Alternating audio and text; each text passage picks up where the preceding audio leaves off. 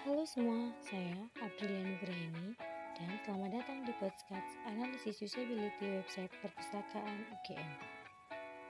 Sebelumnya, saya akan mengenalkan fitur-fitur apa saja yang ada di website perpustakaan UGM.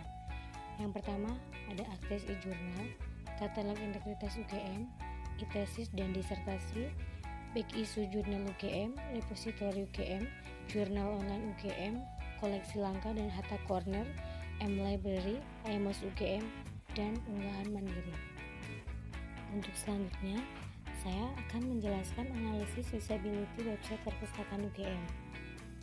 Untuk penyajian websitenya tidak membosankan, desain yang diberikan, tata letaknya rapi, fitur-fitur yang ditampilkan lengkap, dan untuk penempatan ikon serta tulisannya juga sesuai. Ukuran font sesuai sehingga pengguna bisa dengan mudah membaca apa saja yang ada di website tersebut. Analisis usability yang kedua adalah customization. Pemaparan materi yang disajikan oleh website UGM sangat menarik, begitupun fitur-fitur yang diberikan cukup lengkap. Jurnal yang dilanggan oleh perpustakaan UGM banyak sehingga memudahkan pengguna untuk membantu di bidang akademik. Untuk yang selanjutnya yaitu download delay.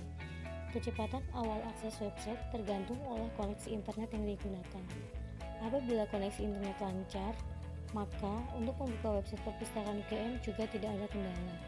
Namun, apabila koneksi internet tidak lancar, maka membuka website membutuhkan waktu yang lama.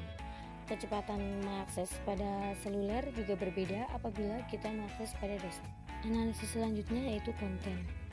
Dalam pencarian informasi, di website perpustakaan UGM terdapat dua fitur pencarian, yaitu pencarian sederhana atau simple search dan advanced search atau pencarian lanjutan.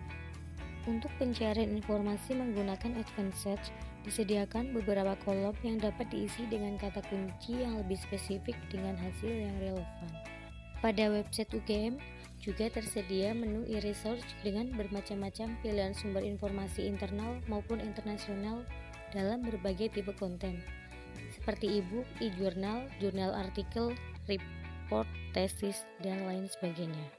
Pada hasil pencarian, pemustaka dapat mengetahui jumlah informasi yang tersedia dalam bentuk e-book, e-jurnal, jurnal artikel, report, tesis, dan lain sebagainya. Pemustaka juga dapat memilih tahun publikasi, disiplin ilmu, subjek, serta bahasa sesuai dengan kebutuhan. Dan untuk analisis usability yang terakhir yaitu satisfaction. Berdasarkan pengalaman kami saat menggunakan website perpustakaan UGM, cukup puas karena banyak menu serta fitur-fitur yang diberikan untuk mendukung keperluan akademik. Fitur-fitur yang tersedia juga mudah untuk digunakan dan tidak membingungkan. Namun, ada beberapa fitur yang hanya bisa diakses oleh mahasiswa UGM saja, seperti IMOS UGM. Dan keinginan untuk terus mengakses webnya tentunya sangat besar. Karena selain jurnal internal, tersedia juga jurnal internasional yang dilanggan oleh website UGM. Fitur-fitur yang tersedia serta kemudahan dalam mengakses websitenya juga berpengaruh pada keinginan kami untuk mengunjungi kembali website tersebut. Sekian paparan analisis usability website perpustakaan UGM. Semoga bermanfaat. Thank you.